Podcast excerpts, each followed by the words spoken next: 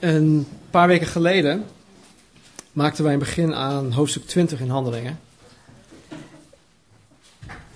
Wat in mijn mening het begin is van de meest spannende fase in het leven van Paulus.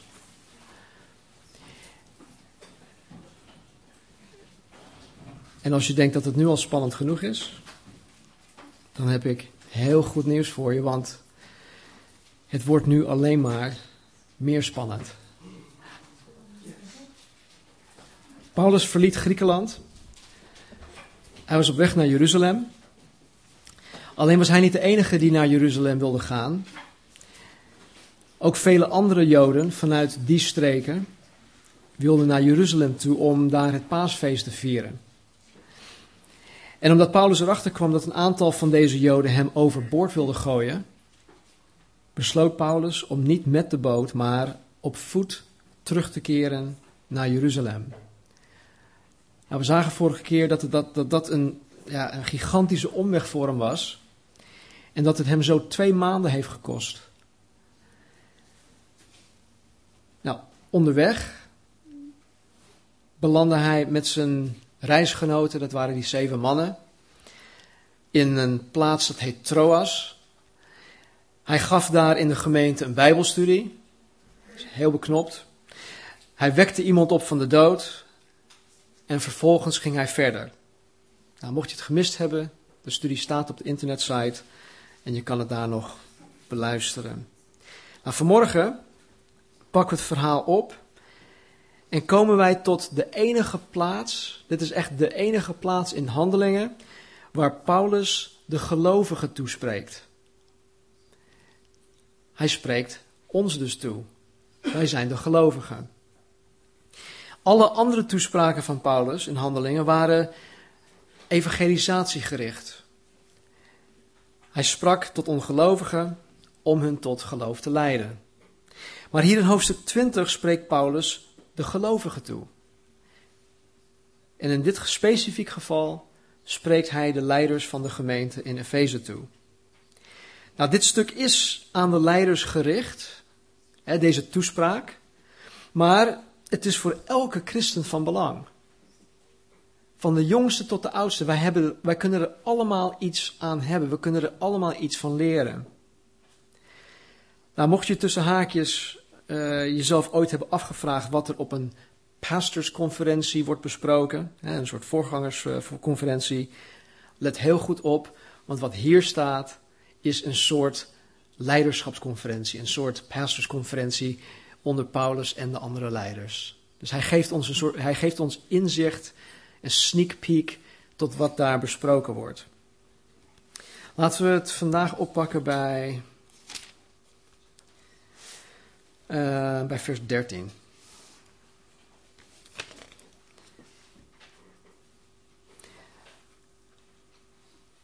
Ze verlieten Troas en er staat in vers 13: Wij nu waren vooruitgegaan naar het schip en voeren naar Assus, waar wij Paulus aan boord zouden nemen, want zij, zo had hij het ons opgedragen. En zelf zou hij te voet gaan. En toen hij zich in Assus bij ons gevoegd had, namen wij hem aan boord en gingen naar Mytilene. En daar vandaan voeren wij verder en kwamen de volgende dag ter hoogte van Chios. De dag daarna legden wij aan te Samos en bleven in Trogilion. En de daaropvolgende dag kwamen wij in Mileten aan. Want Paulus had zich voorgenomen Efeze voorbij te varen om geen tijd in Azië te hoeven doorbrengen, want hij haastte zich om als het mogelijk voor hem was op de Pinksterdag in Jeruzalem te zijn. Maar hij stuurde iemand uit Mileten naar Efeze en vroeg de ouderlingen van de gemeente te komen. En toen ze bij hem gekomen waren, zei hij tegen hen: U weet hoe ik van de eerste dag af dat ik in Azië aankwam heel de tijd in uw, midden, in uw midden geweest ben. En de Heer gediend heb met alle ootmoed en veel tranen en onder verzoeking, verzoekingen die mij overkomen zijn door de aanslagen van de Joden. Hoe ik niets van wat nuttig was nagelaten heb u te verkondigen en te onderwijzen in het openbaar en in de huizen.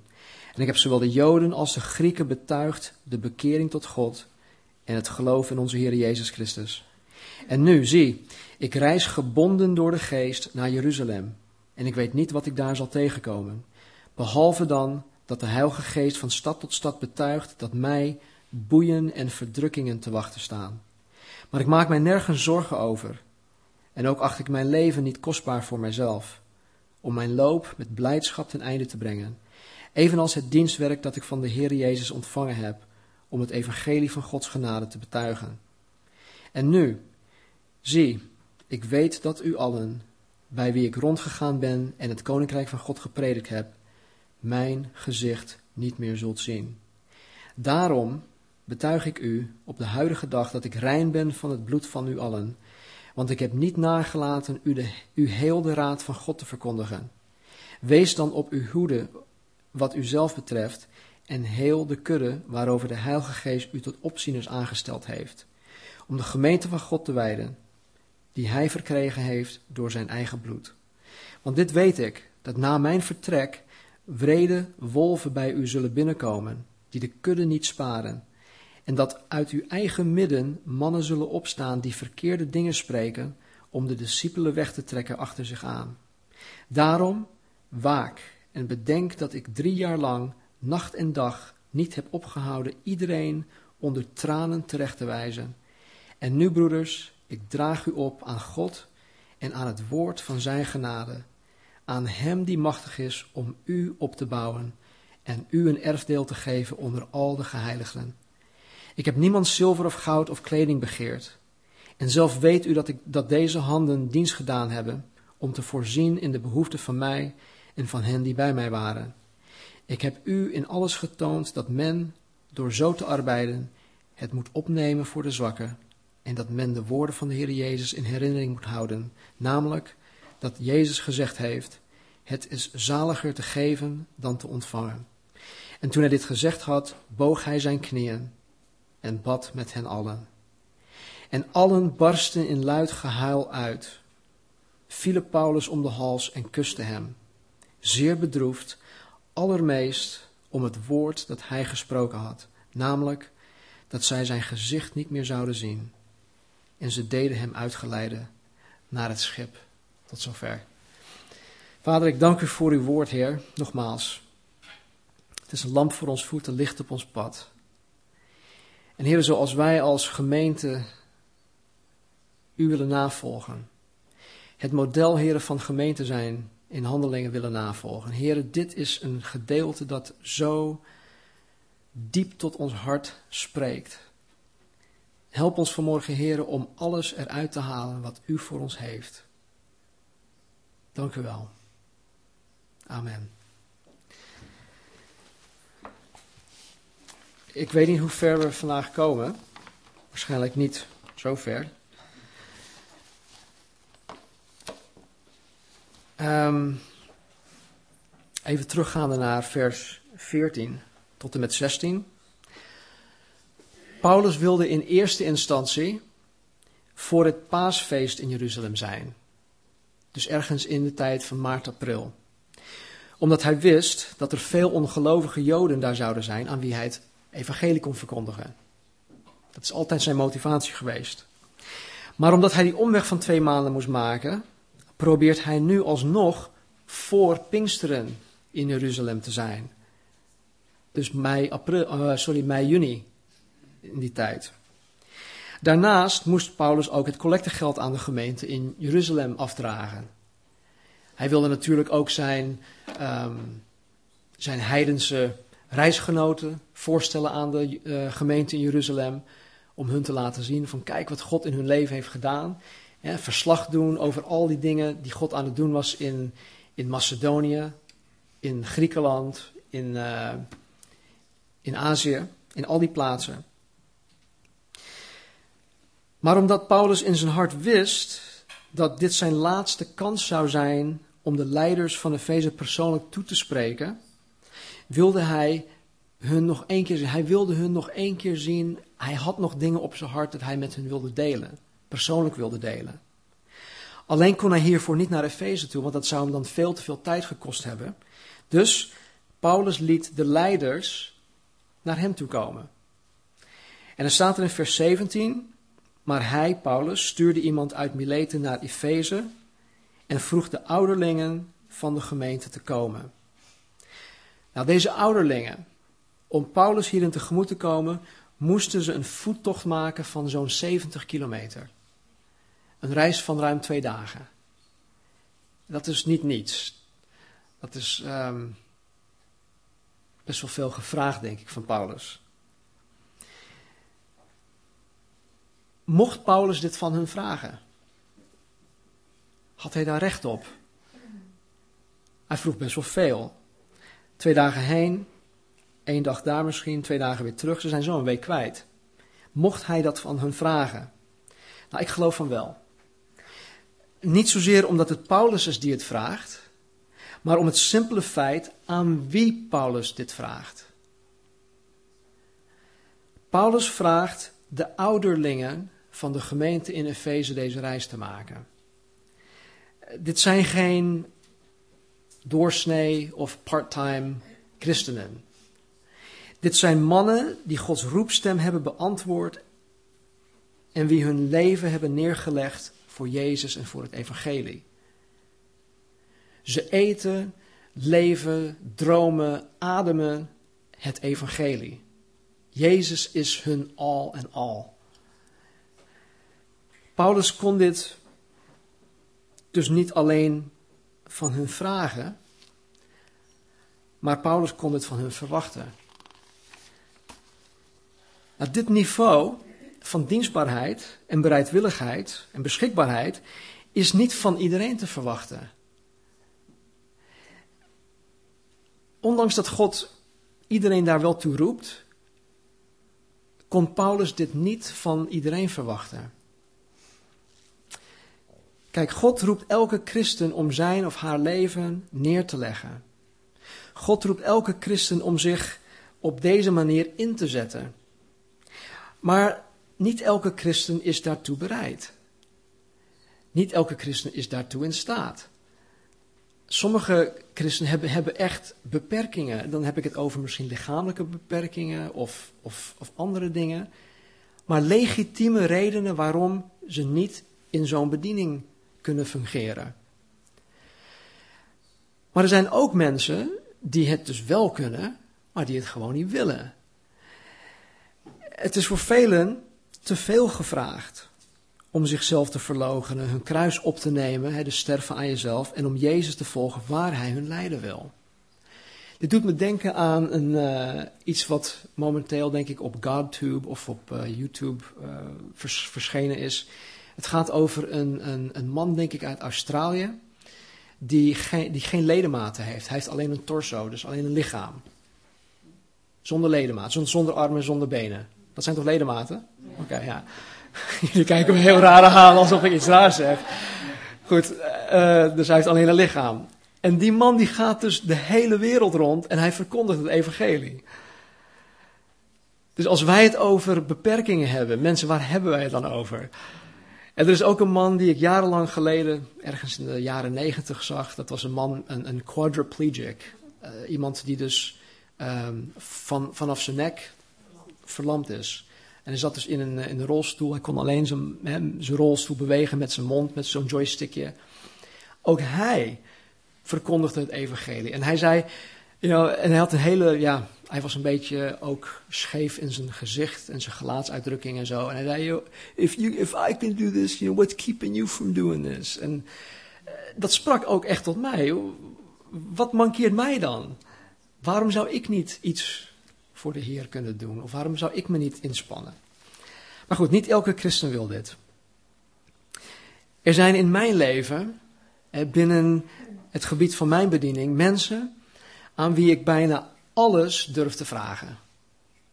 En dat is niet omdat ik zo brutaal ben, maar ik, ik weet gewoon dat ik bij deze mensen kan komen.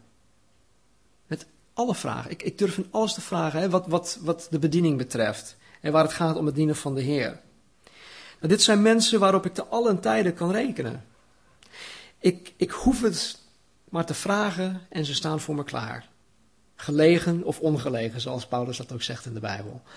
Tegelijkertijd zijn er ook mensen in mijn leven binnen het gebied van de bediening aan wie ik weinig tot niets durf te vragen. waar het gaat om het dienen van de Heer. Dat zijn mensen waarop ik dus niet kan rekenen. En ik neem die mensen het echt niet kwalijk. Het is gewoon zo. En uh, even later in de brief van Paulus aan de Thessalonicense, in zijn begroeting aan het eind, zegt hij ook, dan noemt hij de, de verschillende uh, soort christenen. Hij zegt, en, wees, um, um, wees attent of wees alert op degenen die zwak zijn, op degenen die, um, uh, ik moet even opzoeken, nou, doet er niet toe. Hij noemt drie of vier verschillende soorten, soort mensen in de gemeente. Dus ook Paulus herkent en hij geeft ook aan dat elke gemeente een, een mengelmoes is van mensen die uh, wel of niet kunnen, wel of niet willen. En als iemand zwak is, zegt Paulus, wees er voor die zwakke persoon om hen op sleeptouw te nemen, om je arm om die persoon heen te doen, om hem mee te nemen. En zo horen we met elkaar om te gaan. Als ik iemand ben die mezelf helemaal voor Jezus heeft gegeven. En dan tegelijkertijd neerkijk op iemand van, oh, nou, jij bent nog niet zo ver als ik. Nee, dan ben ik heel fout bezig.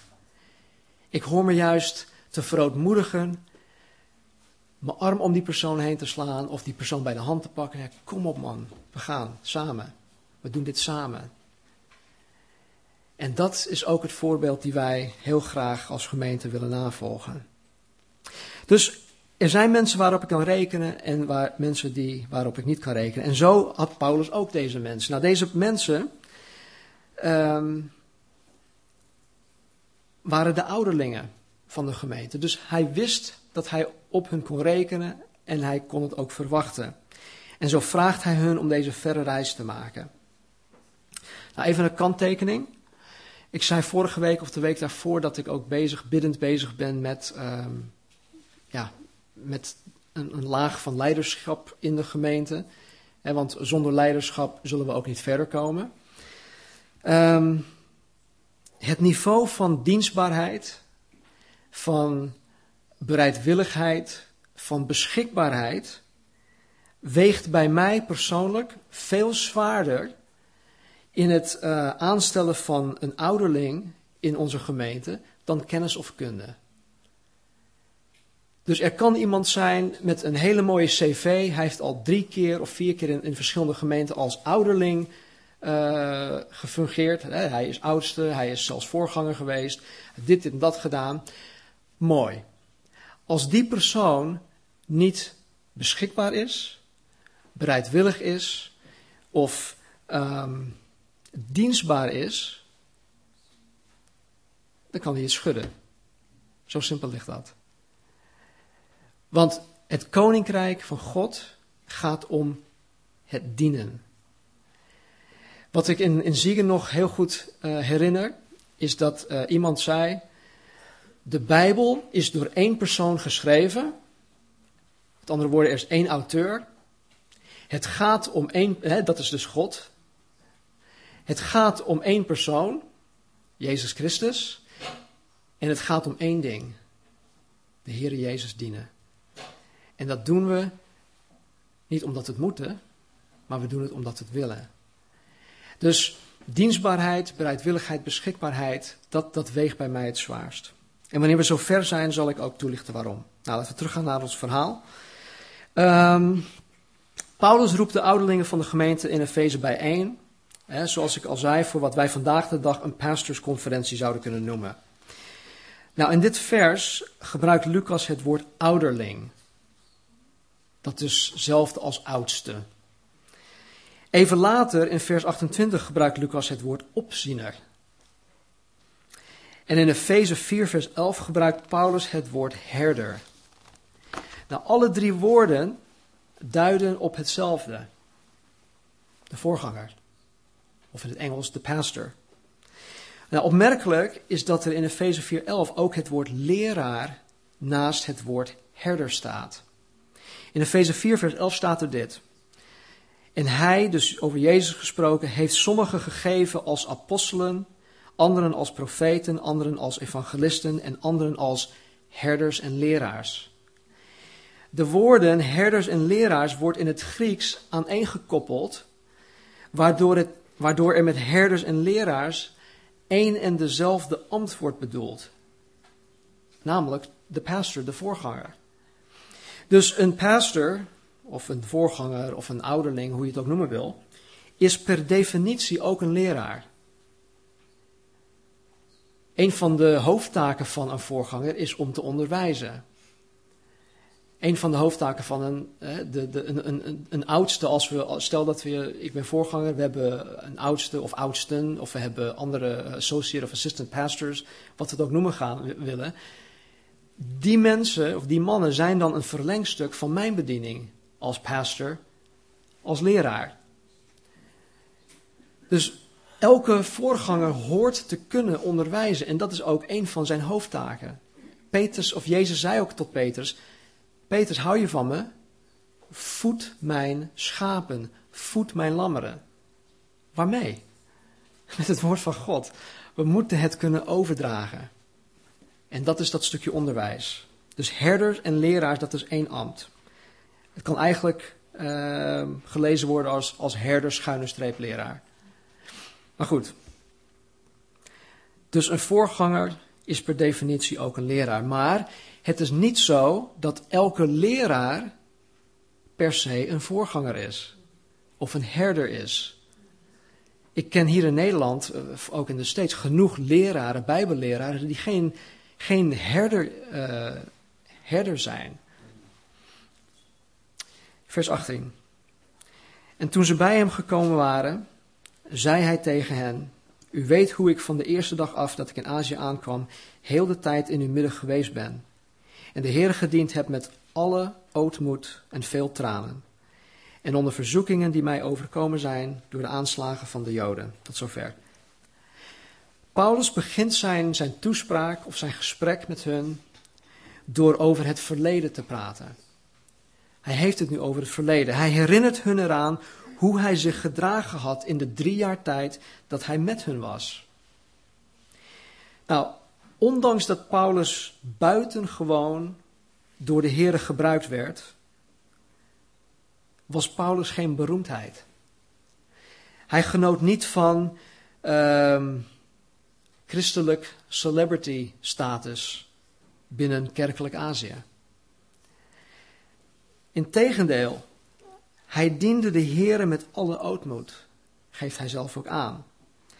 Nou, ootmoed is, een, ja, ik denk dat dat een Bijbels woord is. Ik heb het nooit in andere context gehoord of gelezen. Maar het betekent, althans volgens Van Dalen, ootmoed betekent een onderworpen nederigheid. Het betekent onaanzienlijk, bescheiden, Ik las van de week weer in de krant een aantal vacatures. Ik ben altijd op zoek naar iets dichterbij. Maar God, God heeft de deur, de deur nog niet geopend. Dan lees je een aantal van die dingen. En ik was toevallig, of toevallig, ik was ook bezig met deze studie, met het woord ootmoed, nederig zijn. En het viel me op dat ootmoed geen vereiste is op al die vacatures die ik las. De wereld veracht ootmoed of nederigheid. Ik las geen enkele vacature waarin staat hè, functie, uh, functie-eisen, nederigheid. Dat, dat bestaat gewoon niet. Hè, voor de wereld is, is, is nederigheid uit den boze. Het Centrum voor Bijbelonderzoek zegt dit. Van een dienstknecht van Jezus wordt een nederige, ootmoedige houding verwacht. Dat wil zeggen de bereidheid om te buigen en de minste te willen zijn. Nederig is hij die zich niet laat gelden of op zijn rechten gaat staan. Geen populaire boodschap. Niemand van de wereld houdt dit hoog in het vaandel. Maar dat is toch de weg van het koninkrijk van God. Als je groot wil zijn in, in het koninkrijk, zegt Jezus, moet je de kleinste worden. Een van de grote gevaren voor een persoon die door de Heer gebruikt wordt, en daar moet ik zelf ook voor waken, ieder van ons, is dat de mens hoogmoedig wordt. We kennen allemaal wel christenen die op een gegeven moment door de Heer gebruikt worden en dan vervolgens hoogmoedig worden. Christenen die liever gediend willen worden dan dat ze een hart van een dienstknecht hebben. Mensen die dan te groot zijn om in een klein gezelschap te dienen. En dat is triest. Ik weet nog heel goed, een, uh, jaren geleden, toen leidde ik een uh, jongerenkring. Ik uh, vroeg een van Nederlands grote bijbelleraren om op een avond bij ons te komen om een bijbelstudie te geven. En dat verzoek werd heel abrupt afgekapt en die persoon zei tegen me dat het voor hem niet de moeite waard was om voor zo'n kleine groep anderhalf uur te rijden in de auto. Nou, mijn broek zakte bijna af. Ik was zo bedroefd. Ik, ik, ik kon bijna huilen toen ik dat hoorde. Het was echt, echt niet, ik was ongelooflijk. Deze man was te groot, te beroemd in zijn eigen ogen. Ja, waardoor in mijn ogen hij zijn, zijn nut totaal had verloren. Het is net als, als, als, als het zout der aarde geen, geen zout kracht, dan is het krachteloos. Dus, nederigheid, dat is de weg naar omhoog. Hij zegt, u weet hoe ik van de eerste dag af dat ik in Azië aankwam. Vers 20, hoe ik niets van wat nuttig was nagelaten heb u te verkondigen en te onderwijzen. In het openbaar en in de huizen. Paulus heeft alles uit de kast gehaald om de Efeziërs mee te geven wat ze nodig hadden om tot volwassen, vruchtbaar, effectieve christenen te worden. Hij heeft in geen enkel opzicht nagelaten om hun toe te rusten om de Heer te kunnen dienen. Hij heeft hun niks nagelaten. En hij heeft dit zowel in de school van Tyrannus gedaan als in de home fellowships. Paulus was niet te groot om een bijbelstudie te geven op een huiskring. En dat de Heere ons als gemeente, ons als individu zal behoeden van het groot worden in onze eigen ogen. In de Bijbel staat ook in spreuken dat, um, hoe staat het in het Nederlands? Pride goes before destruction. Oké, hoogmoed komt voor de val. And then something else after that. A haughty spirit before, or something else. Anyway, hoogmoed komt voor de val. Ik weet uit ervaring dat ik zelf heel slecht met hoogmoed om kan gaan. En God, God zij dank, laat mij daar ook niet mee wegkomen. Op het moment dat er, dat er maar iets in me opkomt van, wauw Stan, je bent best wel cool. Nou, dan, dan, dan gebeurt er iets in me of hij laat iets gebeuren waardoor ik meteen op mijn gezicht val. En ik bid ook, en ik vraag jullie ook om te bidden en te blijven bidden dat God dat ook zal blijven doen bij mij. Anders loop ik rond met, met zo'n hoofd. En dat wil niemand. Dan ben ik ook volkomen nutteloos. Dus blijf daar ook voor mij bidden dat God mij nederig houdt. Dat God ons als gemeente nederig houdt. Kijk, nu zijn we een, een klein gezelschap, een kleine gemeente. Maar wat gebeurt er als we honderden mensen hier in de zaal hebben of op een andere plek, als wanneer we ons eigen gebouw hebben, wanneer we drie of vier worship teams hebben, wanneer we een eigen bijbelschool hebben. Dan kunnen we denken van, wauw, we hebben het goed voor elkaar. En is, het is omdat Stan, onze voorganger, of het is om die, om dat. Nee. Die gedachte is uit den boze en daar moeten we ons altijd voor behoeden. Daar moeten we altijd waakzaam blijven. Vers 21. En ik heb zowel de Joden als Grieken betuigd de bekering tot God en het geloof in onze Heer Jezus Christus. Nou, dit, dit is super belangrijk wat hier staat. Het is belangrijk wanneer wij het evangelie met mensen delen. Waarom? Tegen de Joden zei Paulus dat als zij gered wilden worden, zij zich moesten bekeren tot God. Met andere woorden, dat zij zich van gedachten moesten veranderen over hoe zij God zagen, hun beeld van God. Maar niet alleen van gedachten veranderen, ook ernaar leven.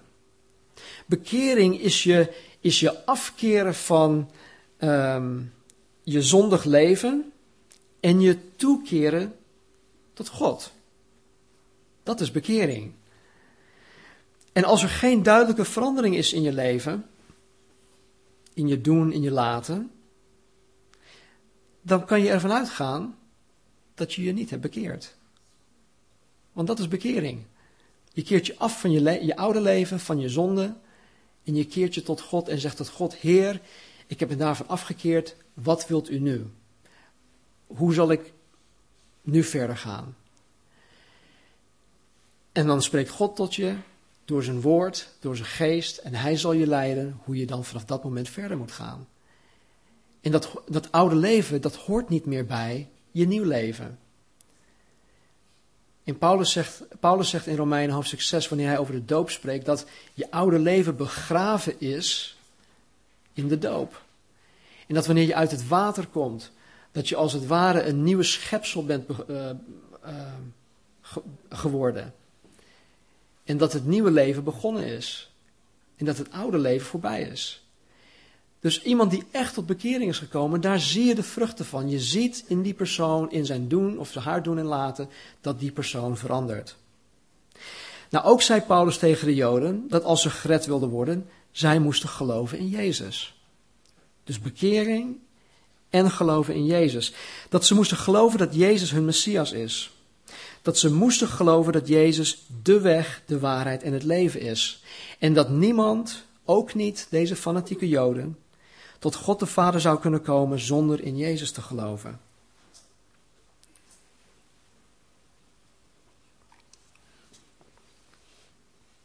En wat Paulus tot de Joden zei, zei hij ook tot de Grieken. Ofwel tot alle andere mensen, tot ons, de heidenen, de niet-Joden. Nou, dit is voor ons belangrijk, omdat wij vaak een vooroordeel hebben over mensen van een bepaalde geloofsovertuiging.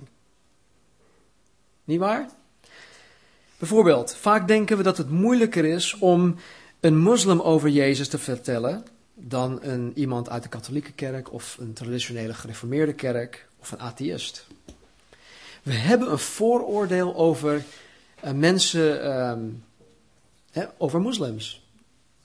We zien de beelden op, op tv we zien wat er in, in Den Haag uh, gaat. We zien uh, wat er met Theo van Gogh is gebeurd. We zien, er, we zien allerlei dingen. En dan denken we, oh jee, dat is de moeilijkst bereikbare uh, groepering in, op, deze, op deze aardbol. Hoe gaan we met die mensen om? Nou, begrijp me niet verkeerd. De manier waarop wij het evangelie presenteren is bij elke persoon en bij elke groepering anders. Het is maatwerk. Al heb je tien moslims in deze kamer, je moet elk persoon op zijn of haar niveau moet je bereiken. Er is geen standaard iets wat je hun kan geven.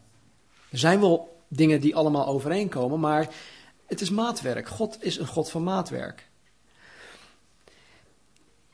Dus de manier waarop wij het presenteren is, is, is bij elk persoon anders, maar de kern van het evangelie blijft hetzelfde. De kern van het evangelie is bekering tot God en geloof in Jezus Christus. Dat geldt voor de Jood, dat geldt voor de Griek, dat geldt voor de moslim, dat geldt voor de atheïst, dat geldt voor iedereen. Als wij deze essentiële ingrediënten dus niet aan mensen meegeven, dan misleiden wij hen. Dan zullen mensen niet tot de waarheid komen. En dan kunnen deze mensen de boot missen omdat wij niet datgene aan hun gegeven hebben wat zij nodig hebben om tot geloof te komen. Nou, in vers 21 eindigt Paulus het gedeelte waar hij over, het, over het verleden spreekt. En hij gaat nu vertellen over het heden en de weg die voor hem ligt. Vers 22. En nu, zie, ik reis gebonden door de geest naar Jeruzalem. En ik weet niet wat ik daar zal tegenkomen. Behalve dan dat de Heilige Geest van stad tot stad betuigt dat mij boeien en verdrukkingen te wachten staan. Nou, Paulus is ervan overtuigd dat de Heilige Geest hem naar Jeruzalem toe leidt. Hij gaat niet op eigen houtje, op eigen initiatief. Tegelijkertijd waarschuwt de Heilige Geest hem voor wat hem te wachten staat. De Heilige Geest zegt als het ware tot Paulus: Paulus, ik wil dat je naar Jeruzalem gaat, maar weet dat je daar gevangen genomen zal worden. Wie van ons zou, zou daar, naartoe gegaan zijn? Ik weet het niet. Als de Heilige Geest mij in 1993 had verteld wat mij en mijn gezin hier in Nederland te wachten stond, dan had ik waarschijnlijk voor iets anders gekozen. Ik had gedacht, oké, we gaan naar Nederland toe, eind 93, eind 94, 95. In 1995 hebben we een kerk van 200 mensen. En uh, dit, we hebben dit, we hebben geld op de bank staan, we hebben dat. Nou, noem maar op. Ik had allerlei waanideeën over hoe het zou gaan. Nu zijn we 14 jaar verder. En nu pas begint het werk. Nu pas begint het echte werk wat God voor ons in petto had. En dat wil niet zeggen dat ik nu niet blij ben met jullie. Ik ben juist hartstikke blij, want nu begint het pas. Het begon is aangebroken. Of het begin is aangebroken. Het is begonnen. En ik ben, nu kom ik pas tot, tot, de, tot de ontdekking dat dit is waartoe God ons geroepen heeft. Mij en mijn vrouw en met, en ons gezin. Maar had hij mij verteld dat het 14 jaar zou duren, had ik de afgelopen 14 jaar waarschijnlijk iets anders gedaan. En daarom ben ik blij dat de Heer het mij niet heeft verteld. En want wij mensen houden niet van moeilijkheden. We houden zoveel mogelijk verdrukking en moeilijkheden van ons af. En als het van ons afhangt, dan, ja, dan gaan we het uit de weg. Dan vermijden we deze dingen, kost wat kost. Maar God gebruikt juist moeilijkheden en verdrukkingen om ons te vormen naar zijn evenbeeld. Weet je, één ton, hè, dus duizend kilogram ijzererts, kost vandaag de dag op de markt, niet de markt in de stad, maar op de, aan, de beurs, op de aandelenmarkt, zo'n 140 euro. Als je het ijzer eruit haalt en er betonstaal van maakt, dan is het al gauw veel meer waard.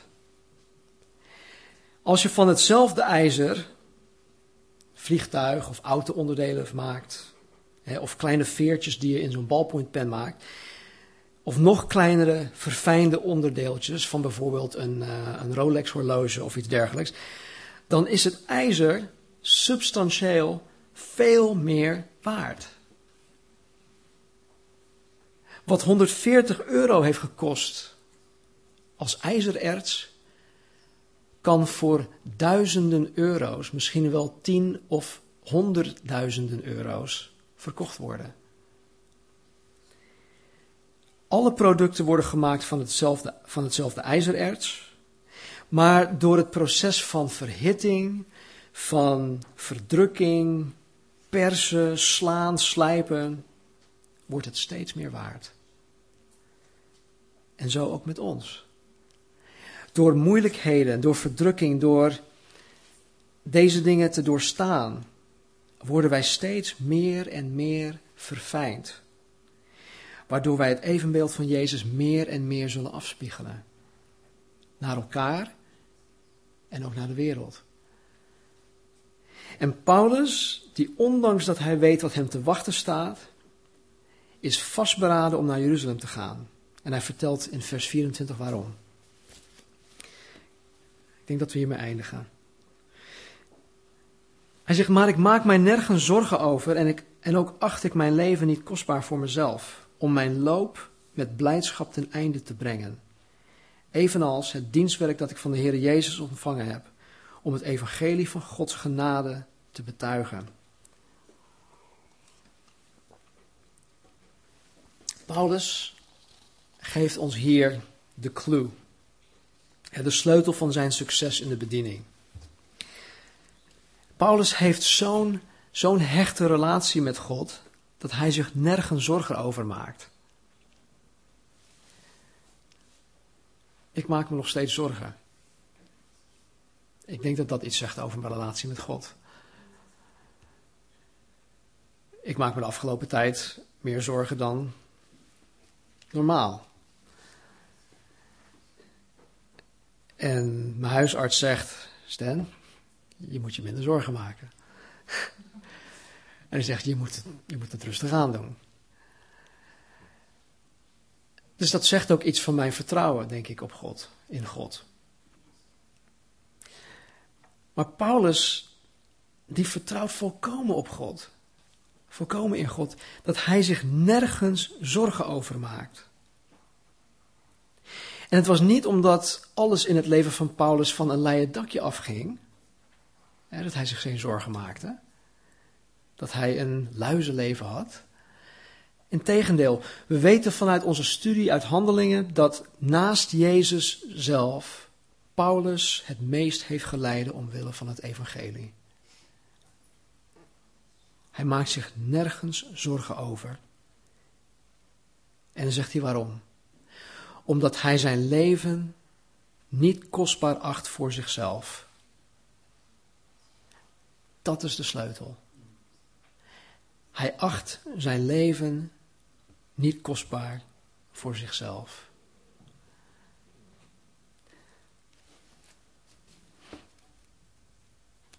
Nou, ik denk dat als, we, als je meer wil weten over de sleutel van succes van de bediening van Paulus moet je volgende week terugkomen. Want we, ja, we redden niet om dit af te maken. Want dit is een preek op zich. En uh, ik denk dat we er even iets langer bij stil moeten staan. Laten we bidden. Vader, ik dank u voor, Heer, voor wie u bent. Heer, dat u betrouwbaar bent. Dat u te vertrouwen bent. En Heer, ik geloof in u. Ik vertrouw op u, maar Heer, help mijn ongeloof. Help dat ik nog wankel, Heer, in mijn vertrouwen. Vergeef me, Heer, dat ik me zorgen maak over bepaalde dingen, over zaken. Vergeef me, Heer, dat ik niet zoals Paulus me nergens zorgen over hoef te maken. Help mij, Heer. Help mij en help een ieder van ons, Heer, om zo ver te komen dat we u zo goed kennen, dat we u met alles kunnen vertrouwen. En dat ook wij, heren, ons nergens zorgen over hoeven te maken. Niet, heren, omdat we, dat we onverschillig zijn, maar, heren, omdat we weten dat u ons leven en alles rondom ons leven in uw handen heeft. Heren, dat we de zekerheid hebben dat u alles onder controle heeft. Breng en ieder Heer van ons tot dat punt. Help ons, Heer, help ons om meer dienstbaar, om meer bereidwillig, om meer beschikbaar te zijn voor u. Heren, we weten allemaal de gebieden in ons leven, heren, die ons daarin belemmeren. Help ons vanmorgen om daarvan te bekeren. Niet alleen te beamen, heren, dat deze dingen ons in de weg staan, maar heren, om daar daadwerkelijk ook iets aan te doen. Vader, houd ons nederig. Laat ons niet groot worden, Heer, in ons eigen ogen. Heer, wanneer u ons groot maakt, wanneer u ons meer zal gaan gebruiken. Onder elkaar en ook, Heer, wanneer u toe gaat voegen vanuit de wereld wanneer we tientallen mensen zullen gaan dopen. Heren, wanneer dat komt, heren, dat u ons nederig zal houden. Heren, dat we nooit zullen denken dat het is omdat wij het zo goed voor elkaar hebben. Omdat het om Calvary Chapel gaat. Maar heren, help ons om altijd te beseffen dat u Heer en Meester bent. En dat u, uw gemeente bouwt. Dank u wel. Help ons om niets dat nuttig is, Heer, na te laten. En ook echt om alles uit de kast te halen, Heer, om anderen te helpen u te vinden. Help ons, Heer, leer ons om alle essentiële ingrediënten van het evangelie met mensen te delen. Hoe ongemakkelijk we ons daar ook soms bij voelen.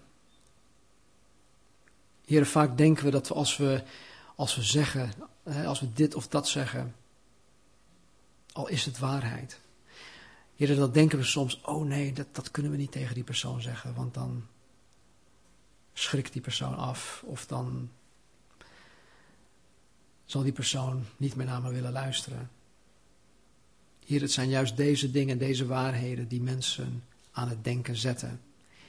En uw Heilige Geest deze dingen zal gebruiken, Heer, om deze mensen daaraan te blijven herinneren. Help ons, Heer, leer ons ook om onszelf over te geven aan U. Help ons, Heer, om te zien dat moeilijkheden, dat verdrukkingen ons naar Uw evenbeeld vormt. Laat ons uw werk in ons niet tegenhouden.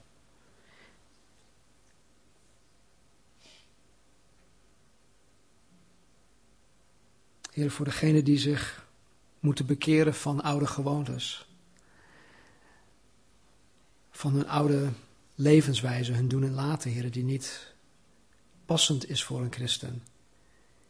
Help hen vandaag, Heer, om zich daarvan te bekeren en kom hen tegemoet. Neem hen bij de hand, heren, en leid hun verder. En breng, heren, de dingen in hun leven die zoveel meer waardevol zijn dan hun oude handel en wandel. Doen en laten. En zo, Vader, zegenen ieder die deze week op, ook op vakantie gaat. Zegen Arthur en Shea, Heer, in het bijzonder die aanstaande dinsdag al weggaan. En Vader, leid ons. En ieder van ons, heren, individueel. En ook, heren, gezamenlijk als gemeente, leid ons naar die plaats, naar die plek waar u ons hebben wil. Vervul ons, Vader, vanmorgen opnieuw met uw geest, heren, dat uit ons binnenste stromen van levend water zullen vloeien. Naar elkaar toe, naar de wereld om ons heen. Help ons, Heer, als mannen onze vrouwen lief te hebben zoals Christus de gemeente lief heeft. En zichzelf voor haar gegeven heeft. Help de vrouwen, Heren, zich te onderwerpen aan de mannen als tot de Heren. Help ons als ouders, Heren, onze kinderen, hoe jong of hoe oud ze ook zijn, Heren, te onderwijzen en te op te voeden in de vrezen des Heren. Help alle jongere heren. Help alle alleenstaanden. En ieder van ons, heren, om uw plan, uw wil te verwezenlijken in ons leven. Help ons. In Jezus' naam. Amen. Amen.